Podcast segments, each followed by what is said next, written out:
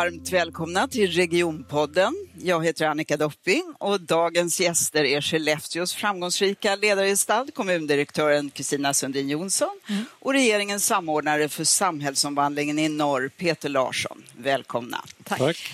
Folk från hela världen kommer nu till Västerbotten, inte minst till Skellefteå, för att förstå vad är det för revolutionerande grön omställning som pågår? Vad är det där spännande? Men i Sverige är det fortfarande många som inte är medvetna om vad som pågår. Mm. Ursula von der Leyen, hon säger I look north i EU. Många hoppas på EUs nya hjärta uppe i norr som ska försörja alla med grön energi. Och Kristina, i Hollywood så älskar man ju historier där en underdog som mm. ingen har räknat med plötsligt reser sig och där det kommer hjältar och växer och tar hand om allting. Berätta om Skellefteå. Nej, men Skellefteå har ju en, en eh, väldigt fantastisk Hollywood-historia på ett sätt. Mm. Från, från att eh, man hittade guld för hundra år sedan Sen växte man och det var en stark industri och man blev Norrlands största stad där någonstans på 60-70-talet. Och sen hände det här som, som eh, kanske händer när man tänker att vi är så bra. Man behöver inte titta sig mot omvärlden eller förändra sig och så. Så Skellefteå gick ju sen mot en väldigt negativ trend. Vi, mellan från egentligen att vi pikade i befolkning i mitten på 90-talet så tappade vi 5 000 invånare. Det är mycket. Det är mycket någonstans eh, fram till 2008-2009 och sen var vi i stort sett oförändrade då väldigt många år till dess att nu har fått vara med om, hundra år senare, en remarkabel förändring som naturligtvis det också legat väldigt hårt jobb. Vi bestämde oss egentligen för tio år sedan när vi såg liksom verkligen att det gick neråt, att, att vända utvecklingen och, och det gav till slut väldigt goda resultat. Och de förmågor hos dig som ledare som var avgörande, skulle du säga, i det här skiftet, att få med det befolkningen på att nu ska vi växa. Alla tänker avfolkning, vi ska expandera, vi ska bygga nytt samhälle. Mm. Hur gjorde du rent praktiskt som ledare för att få med dig befolkningen? Nej, men naturligtvis var vi väldigt många som var involverade men vi hade en väldigt tydlig problembild. Och jag tror att om man visar verkligen på fakta och visar på problemen så... Hur såg så problembilden man, ut? Problembilden såg ut så att skulle vi fortsätta den här utvecklingen skulle vi, då skulle vi fortsätta tappa invånare, alla unga skulle flytta ut, vi skulle få en sämre välfärd. Allt detta presenterades med väldigt tydliga tråkiga grafer runt om i alla kommundelar och jag tror att ur det så föds det då en kraft för ingen vill ju ha en sån fortsatt utveckling. Och vi var dessutom väldigt öppna med att ställa frågor. Ja, men vad var Skellefteås styrkor? Hur skulle vi utveckla dem? Ni bad Så, invånarna att själva formulera ja. det. Mm. Och innan det här jobbet med den strategiarbetet så gjorde vi också ett väldigt stort jobb med platsvarumärket. För vi tänkte ju så att, att syns det inte själva på oss som bor och lever där att vi är stolta, då är det ju väldigt svårt att, att prata om det budskapet utåt. Mm. Så att det var egentligen där någonstans det började. Eh, sen fortsatte det med att ja, men det finns mycket att bygga på. Man satte en, en strategi. Eh, man beslutade ett, politiskt då, ett befolkningsmål 2015 och då blir det också någonting att sträva mot. Sen var det faktiskt så att det kanske inte var så många som trodde på det där tuffa befolkningsmålet då. Mm. För det var faktiskt så att vi skulle växa som storstäder gjorde. Men sen hände det som hände 2017, besked om en stor batterifabrik. Och vi har redan fått ändra det där befolkningsmålet nu. Då. Så att det tuffar på. Och det, det, är ju så att tillstånd alltid smittar. Mm. Rädsla smittar. Mm. Jag hörde just en forskare som berättade om det på att man tror att glesbygd och storstad är givna motsatser, men ofta är det rädslan att jag förlorar jobbet, det mm. kommer eh, nya invånare och tar det, tekniken tar över. Den typen av rädsla som är väldigt smittsam och farlig. Men motsatsen gäller ju då också, om stoltheten smittar också. Ja, jag tänker det. Och jag tänker mycket att beteenden och ageranden smittar. Det tänker man ju inte minst nu i hållbarhetsarbetet, att alla vet vad som händer i världen kring liksom, en negativ trend kring hållbarhet. Men börjar man agera, börjar din granne agera, då blir ju det i sig en inspiration som föder den här växel. Så att aktivitet och, och ageranden är ju det och vi börjar ju faktiskt agera väldigt mycket då. Vi, vi gjorde i och för sig en strategi men det handlar också mycket då om att göra, att visa i praktiken vad ambitionerna var. Och när det gäller då det kulturella kittet som många talar om, att det är en, en väldigt stark bind, ett bindmedel som får ihop alla. Mm. Hur, hur agerade ni där för de som inte vet vad som finns i Skellefteå att upptäcka? Nej, men eh, tänker du på kultur, alltså beteenden och så vidare? Eller? Jag tänker på Sara. Du tänker på Sara? Nej, men såklart. Ja.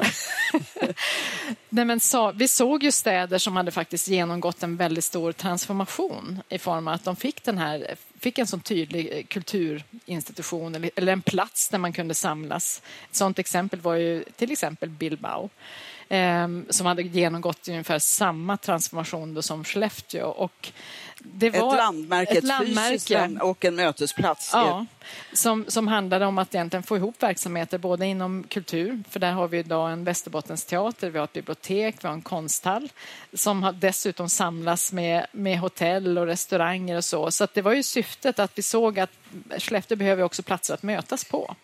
Och, och det sociala kittet är viktigt. Och sen då att det var ett trä och att det var väldigt innovativ höjd gjorde ju inte saken sämre. Så man kan nog säga att ambitionen sattes ju redan där mm. till att skapa den här platsen där vi, som verkligen ska vara en hållbar plats för en bättre vardag. Mm. Då när, spad, när liksom det där började så visste vi inte om det som sen skulle ske. Men vår ambition och vår tanke var ju att skulle det inte ha blivit Northvolt skulle ha blivit något annat. För vi var så väldigt dedikerade. Ni känner inte sårbara i det, att allt står och faller med att Northvolt överlever? Nej, vi behöver ju redan nu titta på vad, kommer, vad blir nästa grej. Och det är väl den lärdomen vi behöver ta med oss från, från det som hände i Skellefteå de första liksom, för hundra år sedan och sen framåt. Det är att verkligen se vad blir då nästa och att aldrig riktigt stanna av i utveckling. Och är det så att eh, ni märker att svenskar börjar förstå vad som händer eller är det trögrörlig massa att få upp medvetenheten nationellt? Eh, bland mina kollegor runt om i Sverige då tror jag att där känner alla till det men hos gemene man så tror jag fortfarande att man är ju närmast sin egen plats där man bor och lever. Det är egentligen inget konstigt så. Mm. Men kännedomen fortfarande tror jag om vad som händer i norra Sverige och faktiskt betydelsen för hela Sverige, mm. den är nog svårare liksom att, eh, jamen, att få in. Se till att det inte blir en motsatsförhållande mellan norr och, och söder eller ja. ens mellan Sverige och Europa. För någonstans så tänker jag att det som händer i norra Sverige just nu, där vi har våra styrkor, mm. andra delar av Sverige har sina styrkor, att vi verkligen får ihop den här, det här rundare Sverige som jag brukar prata om. Eh, jag vet att du hade ett möte häromdagen med Trafikverket och mm. de ville att kanske på vårt lite ingenjörsaktiga linjära, linjära sätt att man skulle prioritera väldigt hårt. Mm. Vad är det som behöver göras? Mm. Och svaret var? Det går inte att prioritera i det här. Utan? Utan eh, det är det som blir den här förändliga samhällsomvandlingen, att allt ska ske samtidigt. Och alla delar behövs. Mm. Ja, Peter kan strax mm. Eh, eh, komma. Ja, du, kan, du kan dricka vatten. Ja. ja nu kliar det dig, Peter. Vad Nej, jag tänkte på vattnet. Vad eh, tänker du när du hör berättelsen om Kristina och hur hon som kommundirektör kan vara med och driva en sån här verkligen en 180 graders vändning får man säga. Eh, vad kan vi lära av det för resten? Alltså rent personligt måste jag säga, det är därför det har varit så kul. Ja. Det har fångat och därför tror jag det fångar andra också. Eh, Almedalen, då lär man sig nya begrepp. Och, man, eh, så här, och igår var det en som sa världsomställning. Först tyckte jag det lät som världsutställning. Ja, ja, ja men det var så här. Men det är faktiskt det som vi är inne i nu. Det är en världsomställning när det gäller klimatet. Mm. Och då har några ställt sig i ledarfronten för detta och det är Skellefteå. Genom att vad man säga, vara mottagliga för en etablering där. Och jag tycker det som Kristina beskriver så detaljerat och så målande, nämligen att man förberedde sig för det där. Så var, man var beredda på mottagandet även om man, tror jag idag i efterhand, underskattade allt. Mm. Precis som alla mm. andra idag kan säga mm. så att fine, vi, vi underskattade verkligen allt. Men det här har ju ändrat bilden av Skellefteå. Från ett ganska grått, tråkigt, till någonting spännande där folk vill vara med i världsomställningen. Eh, och just det där att hitta det lokala i det globala. Mm. Det är det som jag tror många längtar efter för att det globala kan ibland bli så ogripbart. Mm. Men hittar man någonting som är gripbart där man faktiskt är en del i det, då, då blir det helt annorlunda. Mm. Ni kanske får revidera er, er devis eh, föregångare i omställning till föregångare i världsomställning. Lite anspråkslöst. Eller hur? Låter ju väldigt eh, inspirerande. Ja, aktivt. Absolut. ja. Men mycket av det här handlar ju alltid om ledarskap eh, och vad man uppmuntrar och tillåter. Och jag vet att eh, Mariestad har ni också haft ögonen på. Hur kom det sig att de lyckades få världens första solcellsdrivna vätgasstation för, allmän, för allmänheten? Vad var det de gjorde? Vad var det de tillät? Och testbäddar är ju ett nyckelbegrepp, verkar mm. som att tillåta. Och det är många som pratar nu, även här i Almedalen från Västerbotten, om det här med lärmiljöer, experiment, eh, eh, regulatoriska sandlådor, mm. frizoner miljöer, lärmiljöer, nya, mm. nya tänk. Hur viktigt är det att liksom öppna sig för eh, att inte klamra sig fast vid begränsande regelverk utan öppna för experiment?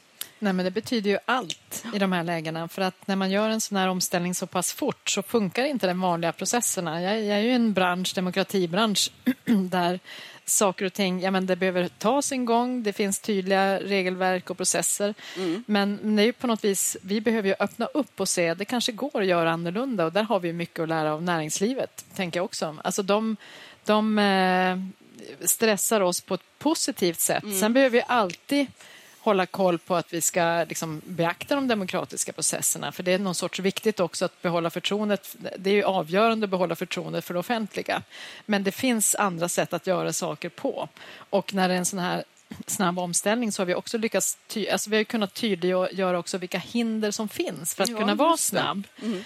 Och de hindren är också sånt som, de, jag menar, det är sånt som bara behöver tas bort. För att det är så också vi kan hänga med i den här allt förändliga snabba världen. Alltifrån hur vi kan skapa nya utbildningar till, till att vi faktiskt kan jobba med tillståndsprocesser på ett annat sätt utan att därför att eh, ja, men, bortse från rättssäkerhet och så vidare. Det går att göra annorlunda.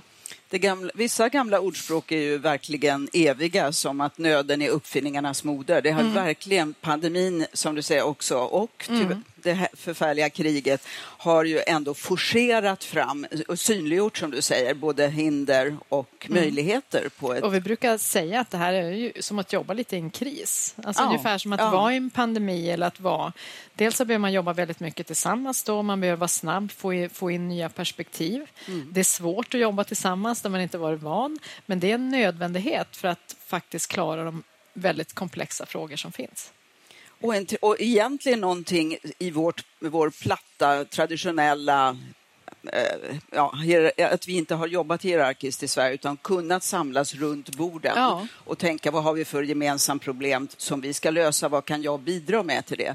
Det, det kommer ju verkligen i, i bruk här. Mm. Och när det gäller det här med lärmiljöer, Peter Larsson, då vet jag att du eh, ser verkligen framför dig att Skellefteå kan bli en unik läroplats, inte traditionellt lärosäte, utan där man kan just göra experiment, blanda praktisk eh, praktik och forskning och yrkesutbildning och vuxenutbildning på ett nytt sätt. Berätta om vad du ser framför dig. Ja, för det första ska jag säga att man är en läroplats och visar upp. Jag har haft två samtal idag. Det ena är Stenungsund, det andra är Skaraborg som är väldigt nyfikna på vad är det som händer för någonting, vad kan vi dra för lärdomar? Mm. Och eftersom jag känner båda platserna ganska väl så kan man säga att det här är tillämpbart och inte.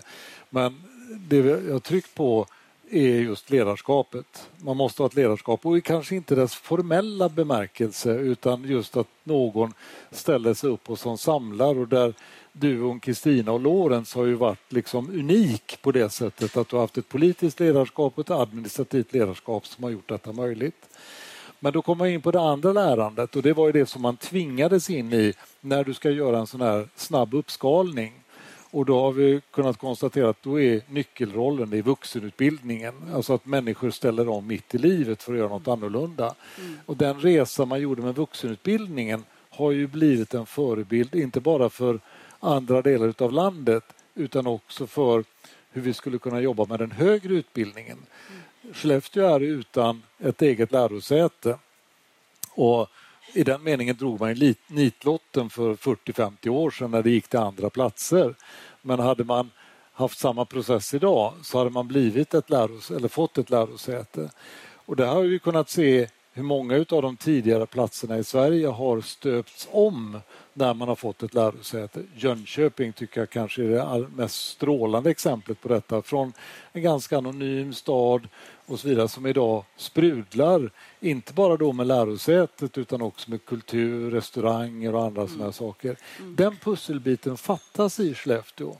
Och då måste vi tänka, ja men vad är det som fattas akademin? Jo, det är det nya sättet att ta till sig kunskap, det nya sättet att samarbeta och samverka, både nationellt men också globalt. Och skulle detta kunna bli en plats mm. där olika lärosäten kommer dit, dels genom att bygga eh, eller höja kapaciteten när det gäller antalet studenter väldigt snabbt. Mm. Men också skapa nya akademiska miljöer för att kunna ta sig an de stora utmaningar som vi står inför idag. Och då är det väldigt många som har sträckt upp handen och sagt det här låter väldigt intressant, vi vill vara med. Och där är vi precis i början utav den processen. Jag tycker det har varit tillräckligt många idag som har sträckt upp handen. Det är tillräckligt många som säger att det här är rätt tänkt, att det nu kommer att få livskraft. För det är ju så med processer, när när man väl har nått punkten, den kritiska punkten att tillräckligt många är med, mm. ja då är det på väg. Mm. Sen handlar det väldigt mycket om att bygga de rätta förutsättningarna för det och det är den process vi är mitt inne i nu. Mm. mm. Där akademiska ledare, där företagsledare men andra måste involveras i den här processen. Eh, för att mobilisera kapital, för att mobilisera kunskap och sådana saker. Och det har ju tillkommit en faktor på senare tid också som verkligen, som många säger, kommer att bli den stora revolutionen i form av att AI kommer att ta ta hand om väldigt mycket av jobb, vilket väcker mycket rädsla för många. Men om man då kan kan eh, ha ett, en läroplats där man väldigt systematiskt och metodiskt behovsinriktat kan utbilda vuxna eh, tillsammans med AI så att man löser välfärdstjänster som har varit väldigt, till exempel som är ett jätteproblem, brist, brist eh, på personal och så, effektivt. Då är väl det också en väldigt tydlig roll. Eh, absolut, men jag skulle redan vilja utgå ifrån det som vi pratade om pandemin. För den gjorde att lärprocesserna är omställda vi, pandemin gjorde det möjligt att bedriva mycket på distans. Men under pandemin så längtade vi också efter mötet. Mm. Nu kan vi hitta den utmärkta kombon för mm. detta. Vilket skulle jag vilja säga är utomordentligt viktigt för hela, hela övre Norrland där vi har eh, orter som är lite mer avlägsna från centralorter men där vi skapar helt nya möjligheter för Eh, Eh, vuxenutbildning och sådana saker men också på akademisk nivå. Det tror jag kommer tillämpas där. När det gäller AI då är vi inne i en annan typ av eh, teknisk disruptivt skede. Men vill också tona ner det för menar, elektriciteten hade samma revolutionerande betydelse när det gäller framdrift av maskiner och annat sånt där. AI är ju man säga, i den meningen ett extremt kraftfullt verktyg för att hantera stora informationsmängder. Sen kan det tillämpas på massa olika ställen och naturligtvis har det stor betydelse för hur vi ska kunna tillhandahålla välfärdstjänster och sådana saker i, i framtiden men också i olika former av industriell produktion och annat sådär. Så det är klart, det kommer att ha stor betydelse där också. Mm. Man ska inte överdriva Skellefteås betydelse där, för, men det kommer att vara en viktig del att från start implementera detta. Det är det mm. viktiga. Men där är vi delar av en annan typ av världsrevolution. Icke desto mindre har ni ett mycket framstående digitalt företag i Skellefteå som mm. vars medgrundare vi träffade igår, North Kingdom, som mm. i sin tur eh, är uppköpta för att de var nyckeln eller förutsättningen för att nå in på den amerikanska marknaden. De har 70-80 procent av sina kunder globalt. De har mm. hel, från, från första början mm. och vill ha fler i Sverige, Norden, Sverige, Norden och Europa. Och de är väldigt framstående att på just gränssnittet människa-teknik. Mm. Vad kommer att behövas? Mm. Så det finns ju verkligen lokala stjärnor. Vad tänkte du när du hörde David Eriksson igår? Nej, men det är ju fantastiskt. Dels eh, hur globala de hela tiden har varit från ja. liksom, eh, ett inledande skede. Där finns det väldigt mycket att inspireras av. Inte minst nu när vi verkligen också blir globala i Skellefteå, både liksom med den industri som finns och med den kunder som de har, men också med, med de människor som flyttar in. Mm. Så att de har ju varit med också i processen, när det, även inledande processen när, när vi var krigar om denna batterifabrik. Att visa att det går att också att jobba och leva i Skellefteå om du kommer från andra länder. Så. Eh, men sen det här med det de visar, det är på något vis att vi behöver alltid ha örat mot marken när det gäller ny teknik. Mm. Oavsett om det är välfärdssektorn eller om det är det lokala näringslivet eller så. Vi behöver hela tiden vara nyfikna. Vad kommer? Liksom, hur kommer AI att revolutionera yrkena, yrkesrollerna? Det har vi ett, ett personligt ansvar, tänker jag, att hela tiden ta reda på och vara med i. Mm. Så att det är väl den här nyfikenheten på att, och att inse att det här lärandet aldrig någonsin stannar av som är grunden. Och det är så vi tänker för platsen Skellefteå och det är så man får tänka också för sig själv. En ständig evolution. Ja. det är det som är intressant för platsutvecklingen, att, mm. att man inte bara blir beroende av en verksamhet. Nej. Den måste säkras, för det är liksom en sån gigantisk etablering i form av Northvolt. Mm. Men förutsättningarna för Northvolts fortlevnad det är att andra verksamheter kommer dit också. Mm. För sällan vill ett stort företag verka på en plats som är för ensidig. För det minskar vad man säger, deras egen attraktion, så det finns en symbios här emellan. Mm. Och just att våga tänka tanken att man är en, en digital hubb eh, i många olika avseenden. Alltså inte bara spelutveckling utan eh, massa olika applikationsmöjligheter. Mm. Det är jätteintressant. Eh, på det sättet.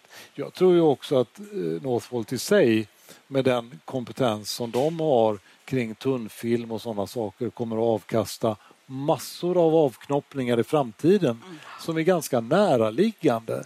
Inte konkurrerande men där man hittar nya tillämpningsområden utifrån de generiska kunskaper som finns på plats. Mm. Och genom att människor är människor och en del tänker lite mer kreativt och säger ah, men nu har jag jobbat här, nu vill jag göra någonting annat. Mm. Och det är bra för verksamheten på mm. totalen. Mm. Det finns en bok som heter Nordic Secret. Eh, Thomas Björkman och en forskare, Lena Andersson, har skrivit om vad det var som gjorde, som liksom grundade Nordens framstående position som välfärdsland, och det vi har haft i alla fall. Eh, och då var mycket folkhögskolor en mm. nyckel. Mm. Att man samlades utifrån sitt intresse och det eh, oavsett om man var busschaufför eller pensionär eller ungdom, runt att det var en väldig, den här bildningslängtan, apropå utbildning, att det finns, mm. vi har stolta rötter mm. bakåt också, att vara i ständigt lärande. Men, men eh, jag vet, många säger att det är den attityden, det mindsetet vi måste förstå. Att det här kommer att vara daterat det jag kan. Hur kan jag snabbt och effektivt få den kompletterande utbildning som gör att jag är intressant? Det är ju liksom och, förståelse. Mm, och där blir det intressant att faktiskt folkhögskolorna har överlevt den här marknadifieringen på det sättet. Ja, För det den har inte varit alldeles Nej. lyckad på det sättet. Mm. Men, där, men där finns man som en stabil grund.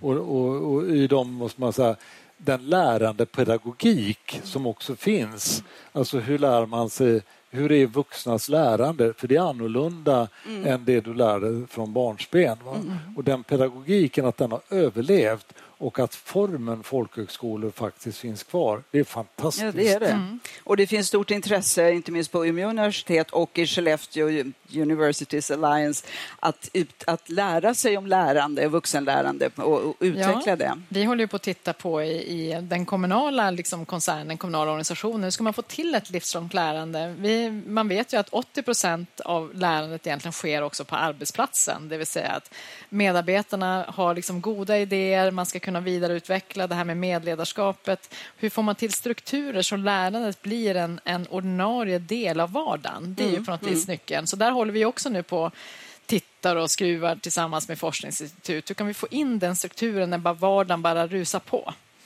Det är är, nu ska jag falla Kristina tal för vi var vid samma diskussion igår där vi träffade facken inom välfärden. Mm. Och där vi hade ett intressant samtal från det. Och nu har vi ändå etablerat en struktur där det är möjligt rent ekonomiskt för vuxna att gå ut och, och lära nytt eller lära om mm. helt och hållet. Mm. Och med det som är gjort nu så kan man faktiskt bli en hubb för också hur detta skulle kunna utvecklas mm. i stort format. Mm.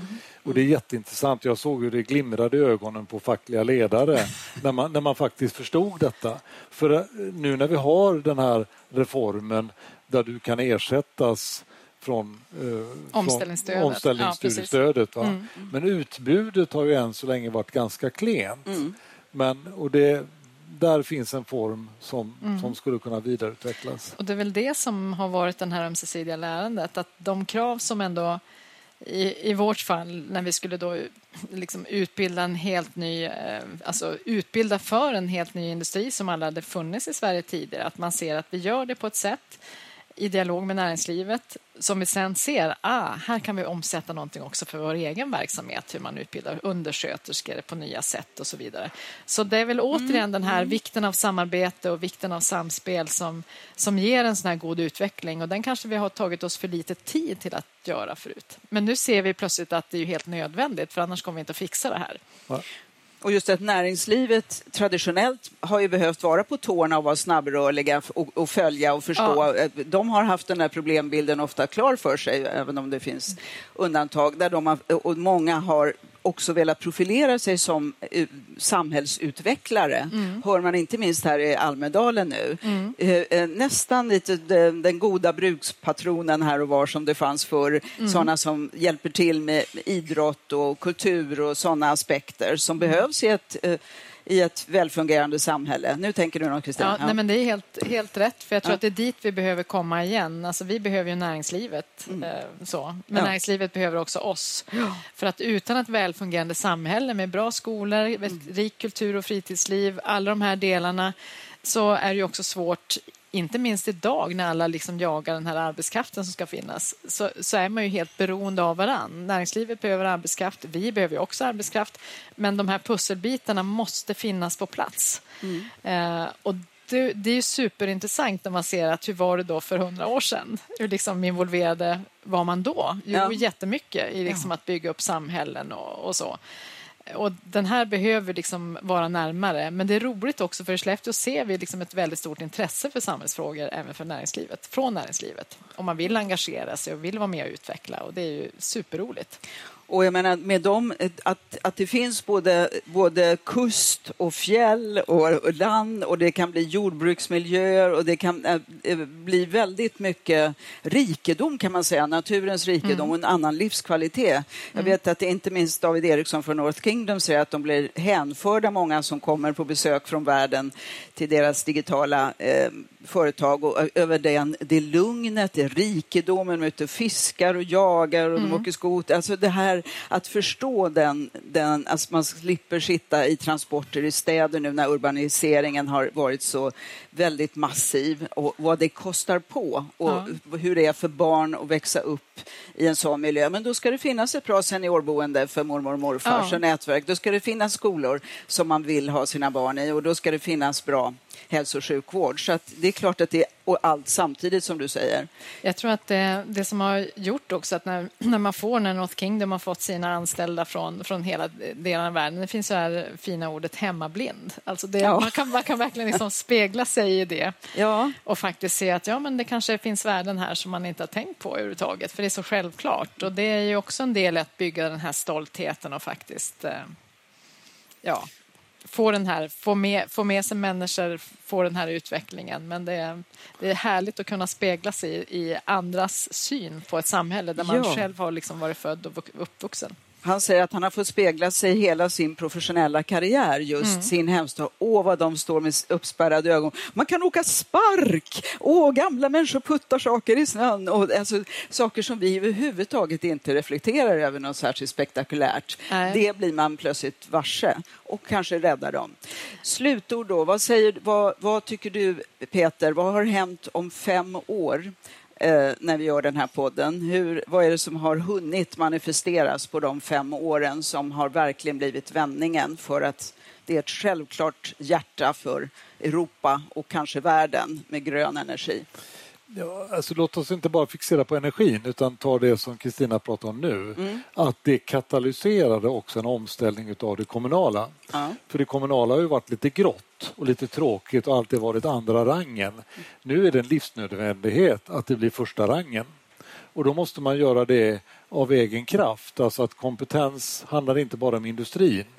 Och det har varit lite för ensidig mm fokus på det industrin, inte minst nationellt. Alla har pratat om de gröna jobben, men de gröna jobben förutsätter förskollärare, de förutsätter undersköterskor, städare, alla möjliga olika saker. Och då är arbetsgivarrollen som Skellefteå kommun har oerhört viktig. Den kommer också då att vara en inspirationskälla för även andra kommuner. Men när vi pratar lite teoretiskt om produktivitet och sådana saker så tror alltid folk att man ska springa snabbare och så. Fel utan det är liksom annorlunda och det är fokus på yrkesutveckling. Jag tror om fem år så kommer man att, för då kommer det ha hänt så mycket på andra ställen också, men man kommer alltid att snegla på den som intog ledarpositionen. Den kommer alltid vara intressant. Och då är det klart att då blir det lite tufft att behålla ledarpositionen mm. för då får man inte sacka ner där. Och Det tror jag inte man kommer göra i Skellefteå utan där har man visat det på en rad olika viktiga områden hur man kan ta sig igenom allt ifrån miljötillståndsprocesser, elanslutningar och sådana saker mm. där det är sättet att tänka som har blivit annorlunda. Jag tror ju om fem år så den är inte klar, Norrbotniabanan, men man är ganska snart ihopkopplad med Umeå och kommer snart att vara ihopkopplad med Luleå också. Den här viktiga förbindelsen i nord-sydlig riktning snubblande nära. För idag, det har jag också märkt här i Almedalen idag, att vårt sätt att tänka kring olika saker förändras när man möter sådana här positiva saker. Det som man tidigare trodde skulle ta tio år, ja det kanske bara tar fyra. För man ser att det kan förkortas på massa olika sätt. Och Det som är roligt när man ser här i Almedalen, jag kom själv nu, jag pratade om, med Peter alldeles nyss, att i min roll så får man kunna pyttelite men om väldigt, väldigt mycket. Mm. Så jag var och pratade om eh, fossilfritt fritt flyg här med SAS vd bara för, liksom ett, för ett tag sedan. Men det vi ser det är att eh, jag är ju ytterst medveten om att vi har ett fönster nu några år och vi behöver hela tiden övertrumfa våra ambitioner för att ständigt, liksom, för att behålla den här ledartröjan i det här. Då. Mm. Och det är det som är så härligt att det, när man kommer nu till Skellefteå så tittar man inte, man kommer inte bara för att besöka exempelvis North Kingdom eller Northvolt eller titta på Kulturhuset. Det är flera olika pusselbitar. Så att det är ju de här människorna som får det här att hända nu genom så många områden som gör att vi fortsätter komma att hålla en utveckling. Det är det som är så fantastiskt. Grön industri, grön livsenergi, eh, alltihopa på, på en och samma gång. Vi önskar varmt lycka till och tackar så mycket för det här samtalet. Stort tack. Tack, tack så mycket.